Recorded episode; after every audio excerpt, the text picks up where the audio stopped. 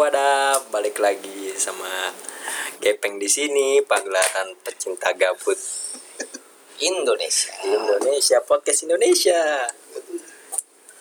Di sini kita kayaknya enaknya bahas-bahas masa kuliah kali ya. Yang lagi kangen-kangen nih, lagi pada udah pada kerja pasti kangen banget sama masa-masa kuliah.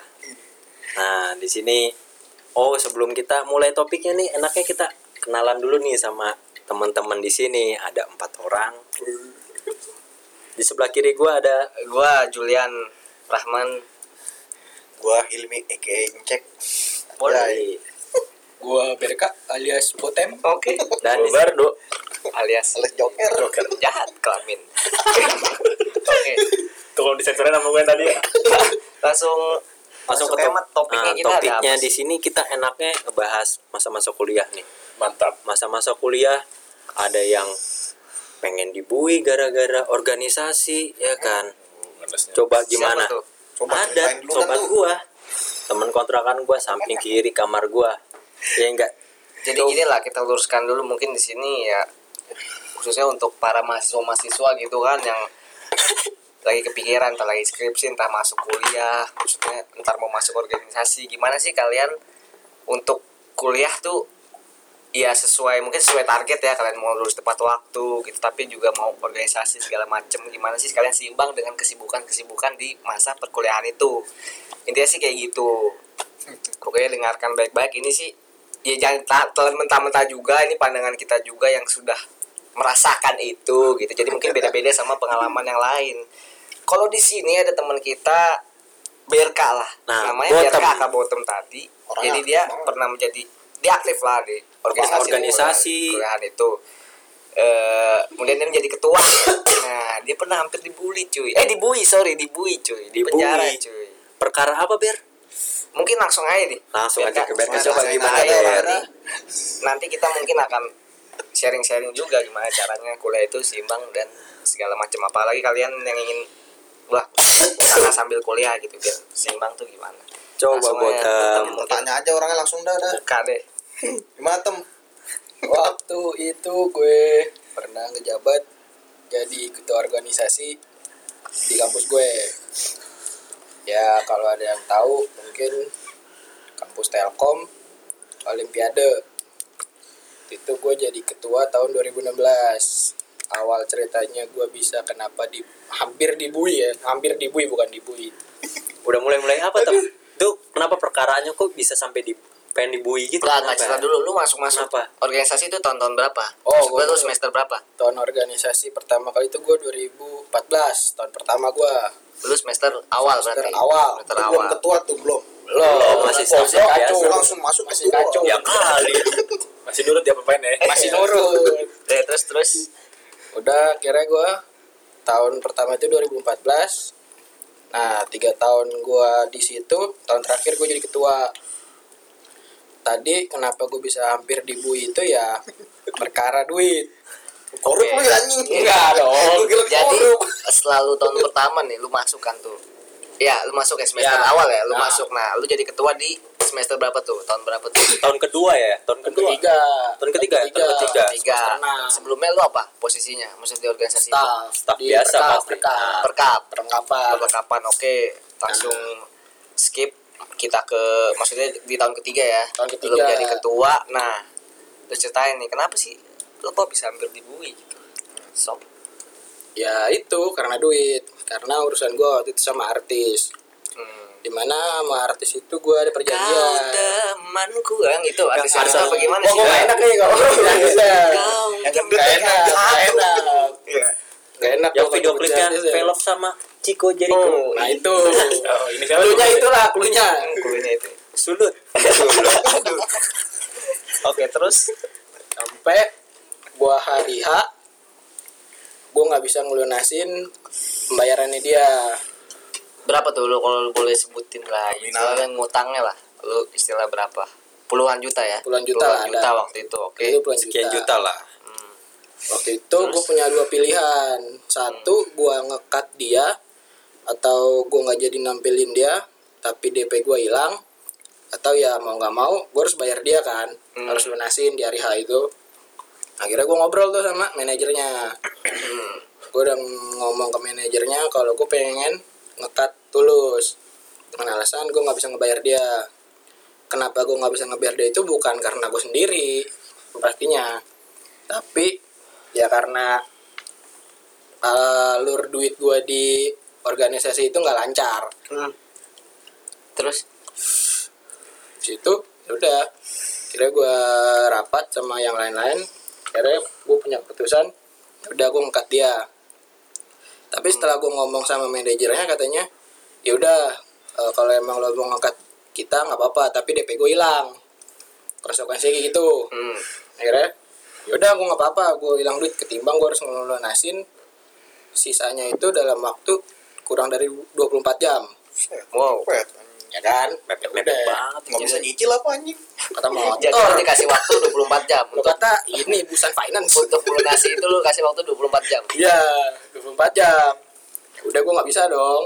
Emang gue inian candi mendut. Semalam dapat duit.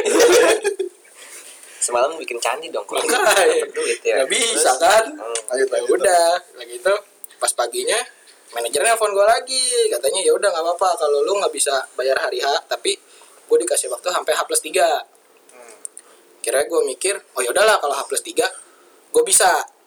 Bisa dalam artian gue bisa ngelunasin sisa pembayaran itu. Nah awal mulanya gue bisa hampir debu itu di sini. Jadi mereka itu tanda tangan. Gue bikin perjanjian sama mereka tanda tangan kalau H plus 3 gue nggak bisa ngelunasin mereka urusannya udah sama hukum. Nah, dengan jaminan gue waktu itu sampai naruh STNK motor gue waduh itu itu udah berat tuh. Itu itu tuh. Udah berat. Akhirnya sampai yaudah gue sanggupin akhirnya mereka terima. Dengan Oke.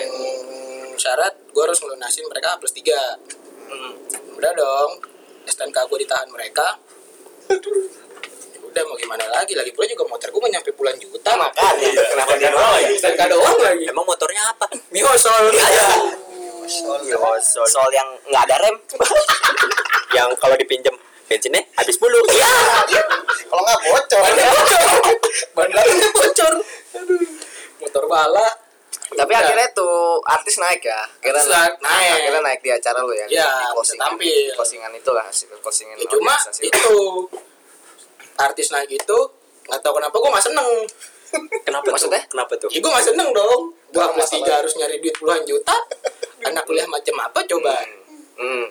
cuma tiga hari kasih waktu buat ngelunasin pembayarannya sudah akhirnya pas H plus tiga duit gue juga masih kurang Iya. ya gue akhirnya ngelobi ngelobi lagi gue baru bisa bayar itu Hmm. sampai H plus dua minggu Pas 14 hari lah ya. ya 14 hari udah nggak jadi dibui gue gue inget banget tuh Jul pas lagi si bottom lagi kios-kiosnya Hmm. si Jawir Siapa lagi Jawir? Jawir ada. Kontrakan. kawan kawan kawan pakai kawan cot abim alias bapak kontrakan. Jadi kita sekontrakan lah nih semua nih. Jadi tahu lah masalah dia waktu itu masalah masalah dia tahu lah.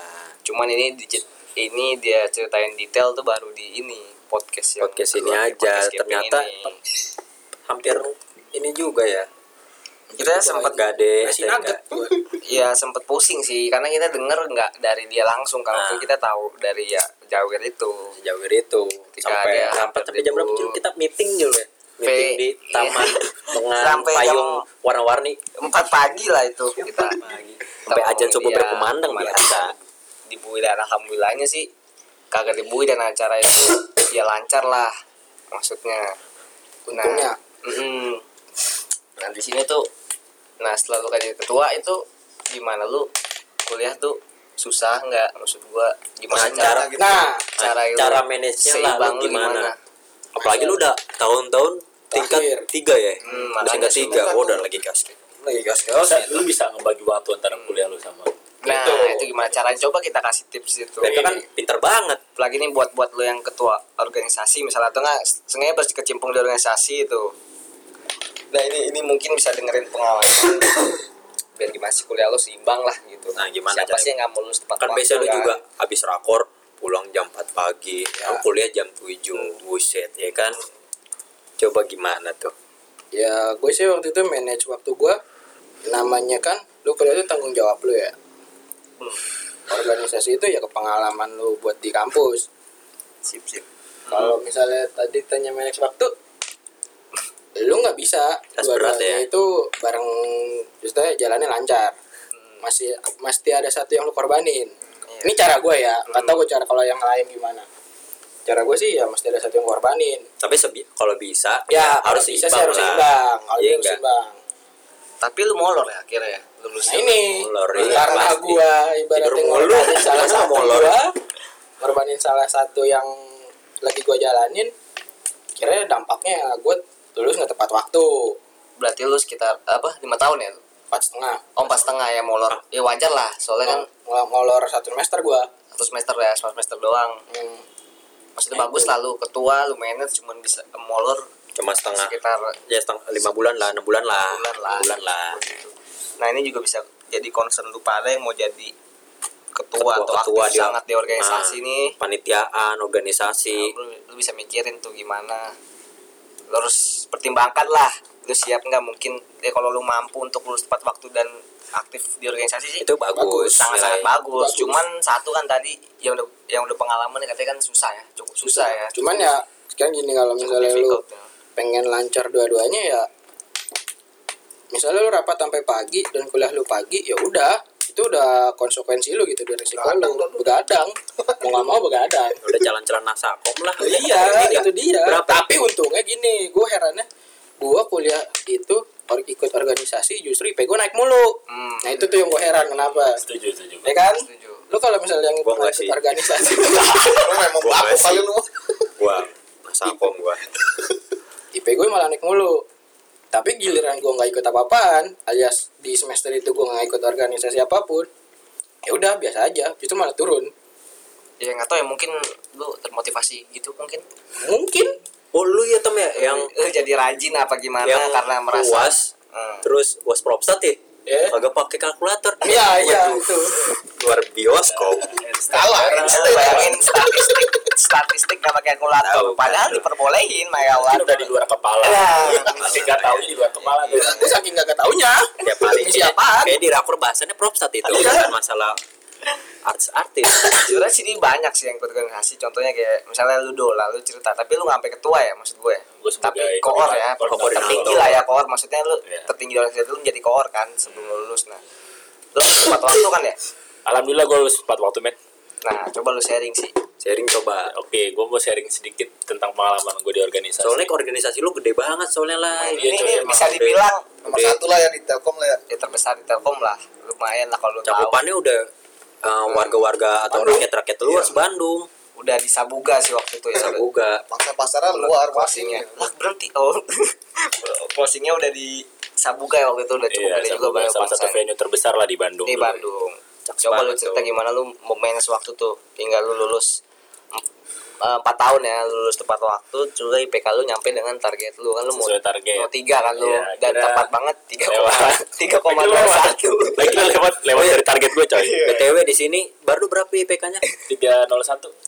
dua tiga nol satu Gua 300. Oke. Yang lain gak usah dibacain ya. Yang lain gak usah ditanyain. cukup gua cukup kita sama Tuhan yang tahu Iya. Orang tuanya yang nangis nangis. aja udah. Jadi bisa diterapin lah di Iya. masyarakat.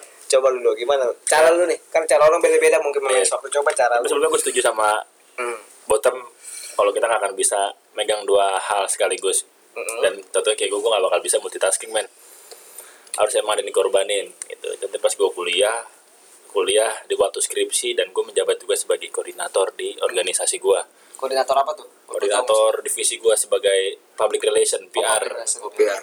Di mana gue membawahi Lu harus sekitar 20 orang loh. Terus mobil-mobil ke mana-mana Iya, ya buat ke mana-mana sounding ya. Iya, gue harus ketemu polisi lah. Ngejamin segala orang. macem ya. Perizinan gue ngurus. Nah itu gue mikir, ah, sudah dikorbanin. Akhirnya gue mikir gue gak mau, mau gue gak mau mengorbankan kuliah gue. Akhirnya gue mengorbankan kesehatan gue. Waduh. itu dengan cara apa? Dengan cara gue begadang. Mau berangkat kesehatan lu. Iya kesehatan gue. Biar gue bisa pegang dua aktivitas sekaligus. Dan gue setuju tadi sama Botam bilang setelah gue organisasi IPK IP gue selalu naik men setiap semester. Akhirnya kenapa ya? Naik ya gue mikir mungkin semakin banyak gue aktivitas semakin gue produktif. Nah, gue mikir gitu. Setuju. beda kalau gue nganggur doang gue gak punya organisasi mungkin Jatuhnya akan buat gue males Malas akan banget gerak. ya. kira gue ngerasa terpacu lah gue di situ. Karena ada kan lu pernah dengar cerita plasma kita? Pinter ya kan? Iya. IPK 4 tiba-tiba jadi nasakom gua nggak salah ya satu ya jadi semua asetnya dia tuh diambil mobil segala macem. Kalau gue denger sih plasma plasma kita Hmm. dulu. Mau gosip ya. Tuh, makanya lu, lu pada nih malah naik IPK-nya gitu. Iya. mungkin nih jadi motivasi juga nih buat yang lain kuliah sambil organisasi gitu. Itu cara gue paling untuk berarti itu berarti emang susah ya? Emang Untuk- susah. Ya udah susah lah intinya ya Susah. kan untuk menggabungkan dua. Itu sama-sama sibuk lagi. Iya. Lu tapi gue mau nanya nih gimana sih untuk mempersiapkan orang-orang yang bakal masuk organisasi kan udah tahu nih pa- pasti kesibukannya gimana ya. Hmm. nah lu udah prepare gimana nih? Dan untuk gue sendiri atau gimana nih? Untuk ya lu, pengalaman lu prepare-nya biar lu lu kan ya, sambil sharing skripsi kan. orang juga maksud gue ya pasti pertama ya gue harus tahu lah konsekuensi yang harus gue terima sebelum gue masuk organisasi. Nah, itu soalnya itu sih yang terberat itu loh konsekuensi. Terus konsekuensi ya dan gue mikir hal positifnya lah. Dan akhirnya gue bersyukur di balik kesusahan gue empat tahun dulu kuliah dan berorganisasi gue bisa menerapkan di dunia kehidupan setelah gue kuliah. Setelah lulus men.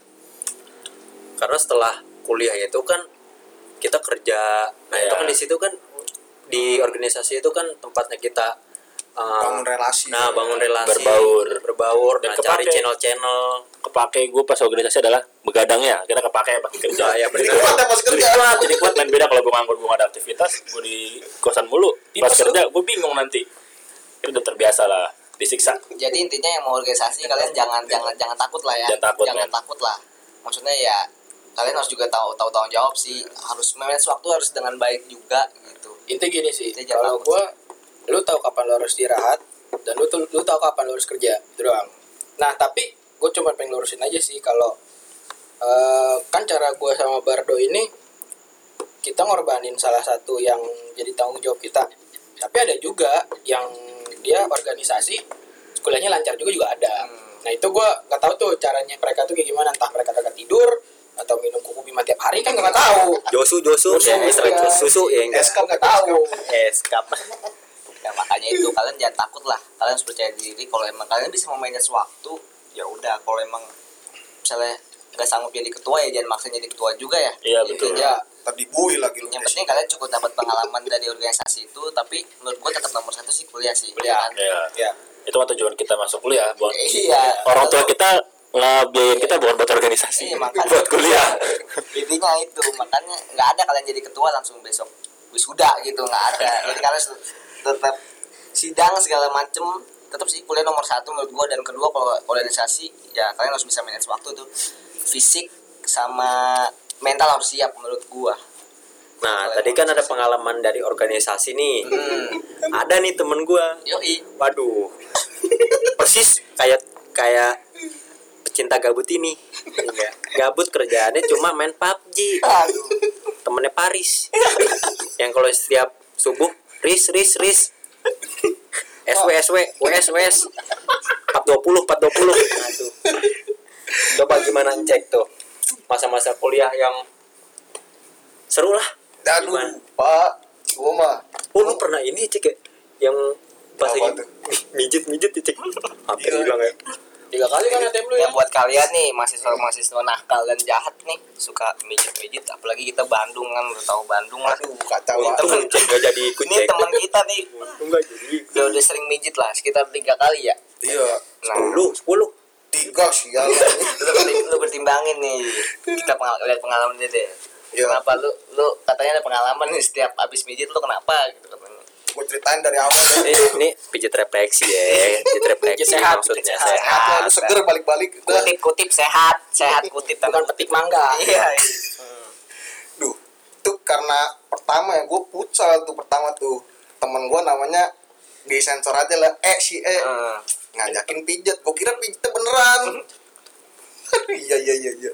Gue kira pijetnya beneran. Habis itu diceritain weh habis pucal nih pegel-pegel. Ya udahlah pijet aja pijet pijet. Pijetan aja nggak aman ya? Hmm. ya udah habis itu gue namanya semester satu kan ya agak tahu apa-apaan bos gila lu. Gue kira pijet beneran kayak kemas-mas kan. Pijet gitu teng- lu tengkurap pijet enak seger dah. Gue kira gitu lu dateng sono tempatnya gedung pak.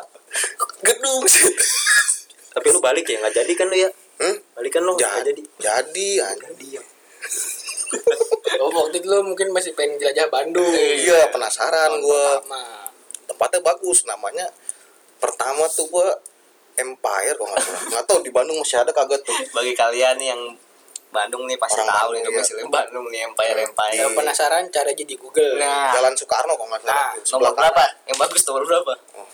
Nggak tahu dah gua. Pokoknya lu masuk nih tahap pertama tuh lu kayak Jepang-Jepang dah keren anjir pakai kimono sih. Iya. Kimono sih namanya. Kimonyet kalau lu. Yang handuk-handuk kayak di, di Jepang dah. Di situ lu dikasih locker kalau nggak salah lu masukin barang situ dapat handuk yang kayak orang Jepang itu dah.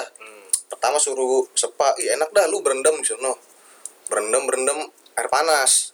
Nah, habis itu kan udah tuh tahap kedua sauna kalau nggak salah tuh sauna di ruangan kalau lu yang belum tahu ya yang bopung-bopung nih. Yang nggak pernah sauna. Nah itu. Sauna di ruangan panas lu berkeringat. Dah. Habis itu kalau nggak salah gue diomongin sama mbak mbaknya Oh ini Mbak Mbak ya? Oh, Mbak Iya, Mbak ini Mbak. berarti Mbak Mbak. Iyalah. Terus? Di mbak mbak suruh gua sama teman gua dek tunggu dulu ya di sini ntar dipanggil lagi. Dipanggil apaan gua kata kira udah tuh. Ya udah. Kan udah dipanggil. Oh temen gua masuk ke bilik-bilik gitu anjing. Set. Gua mikirnya udah negatif aja situ. Nggak bisa pelan anjing. Gak enak cek dari tetangga. oke lah skip skip. Pokoknya pokoknya pijit kayak gitu ya. Intinya nah. masuk ke bilik. Bilik berapa gitu? Di dalamnya udah ada mbak mbak skip. Itu nggak baik. Nih sekarang dah. ada mbak mbak dah. Pokoknya itu ada mbak mbak dah gue di situ pijet nah. udah ada pokoknya hal negatif terjadi di situ dah Nah, lu. Kalau pengen tahu hal negatifnya apaan, lu bayangin sendiri. Nah, bayangin tapi ya ke sana ya. Sendiri dah tuh. Karena temanku ketika ke sana mendapatkan kesialan Karma, karma ke sana. sebetulnya. Karma, ya. Karma. instan karma lagi lu ya. Terjadi saat itu juga tuh anjing Jadi Kenapa tuh? Coba kesialan karmanya ya Ada yang hilang ya kayaknya. Tiga kali ATM gue hilang tanpa tanpa ketahuan nggak tahu gue siapa yang ngambil anjir Itu setelah lu melakukan kejadian itu. iya anjir bisa nggak sih mbak-mbaknya ngambil? Lu harus selalu mbak-mbak yang sama nggak? Mbak yang lain. enggak beda beda pak Tapi lu selalu hilang tuh. selalu hilang Selalu hilang. Hmm. Nah, ini pelajaran nih bagi kalian. Karma itu udah Il- eksis. Ilmu yang lu dapet apa setelah itu? Pelajarannya.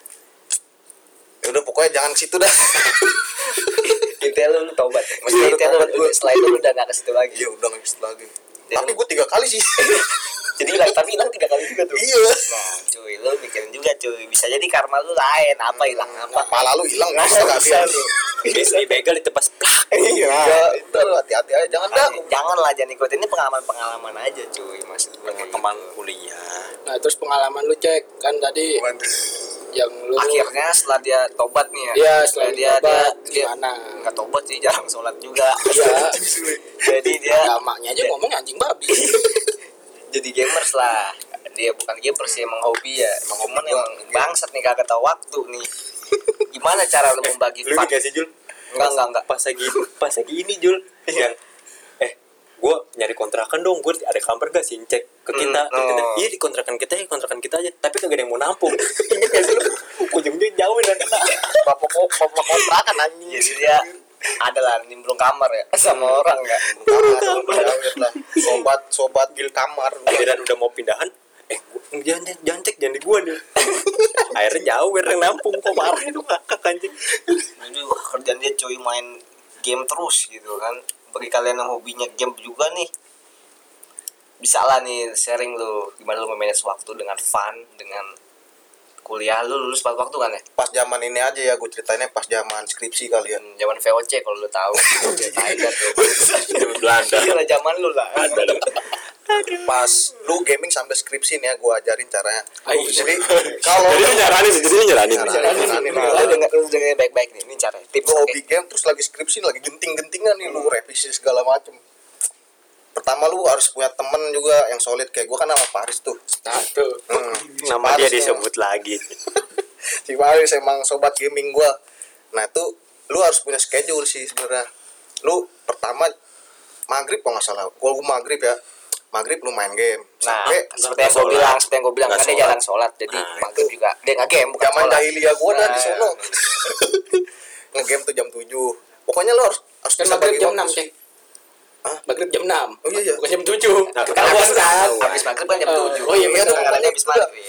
jam 7 gua ngegame pokoknya ada batas waktunya sih gua mah gua durasiin pokoknya jam 10 ke atas tuh udah waktunya skripsi sampai jam 1 nah terus pagi-paginya lu bangun lu revisi ke dosen lu udah gitu aja sih gua mah Ya harus tahu juga lah, Oh. maksud lu ada ada jadwal revisi Hmm. itu paginya seperti apa. Kalau Iya. emang pagi banget seperti jam 6 ya lu jangan sampai di tengah malam mungkin kayak gitu ya. Hmm. Mungkin kalau kalau ini lu siang apa namanya asistensi lu atau bimbingan lu siang lu bisa main sampai ya molor-molor jam 2 jam 3 lah gitu. Iya. Intinya kayak gitu sih. tapi biar lebih tenang lu kerjain dulu sih asli dah Nah, baru lu gaming ini jangan lu. lupa ya gue tuh game belak- belakangan cuy. Hmm. Penting tanggung jawab lu seperti yang tadi kuliah, kuliah dan kuliah dulu cuy. Banggain orang tua. Ya nggak sih guys? pasti bener banget itu terus teman lu juga yang tadi gua bilang si Paris juga kompakan sama Kan gua temennya juga. bukan Paris, temen lu mungkin. Manis mulu ada mana-mana Paris. Iya itu pokoknya sobat gaming gua.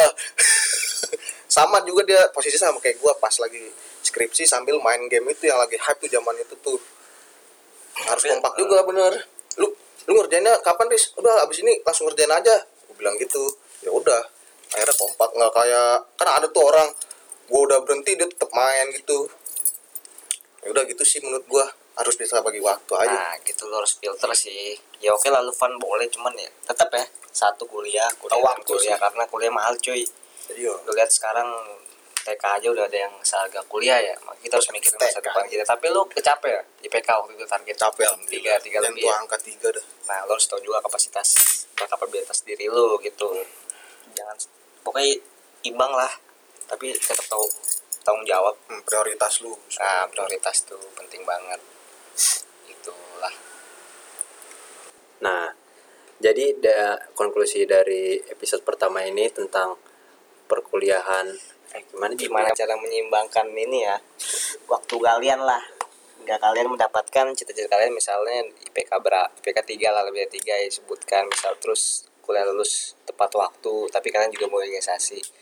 Intinya itu kalian bisa memanage waktu. Nah, manage waktu intinya. ta- tahu capability Karena kalian. karena di kuliah itu gak cuma hanya akademik doang. oke. Non akademik juga kita harus karena perlu ya karena nah, ya organisasi berarti kalian prepare untuk menghadapi dunia kerja nanti Itu lah yang berat. real kan gimana kalian bersosialisasi ngobrol sama orang bangun komunikasi segala macem.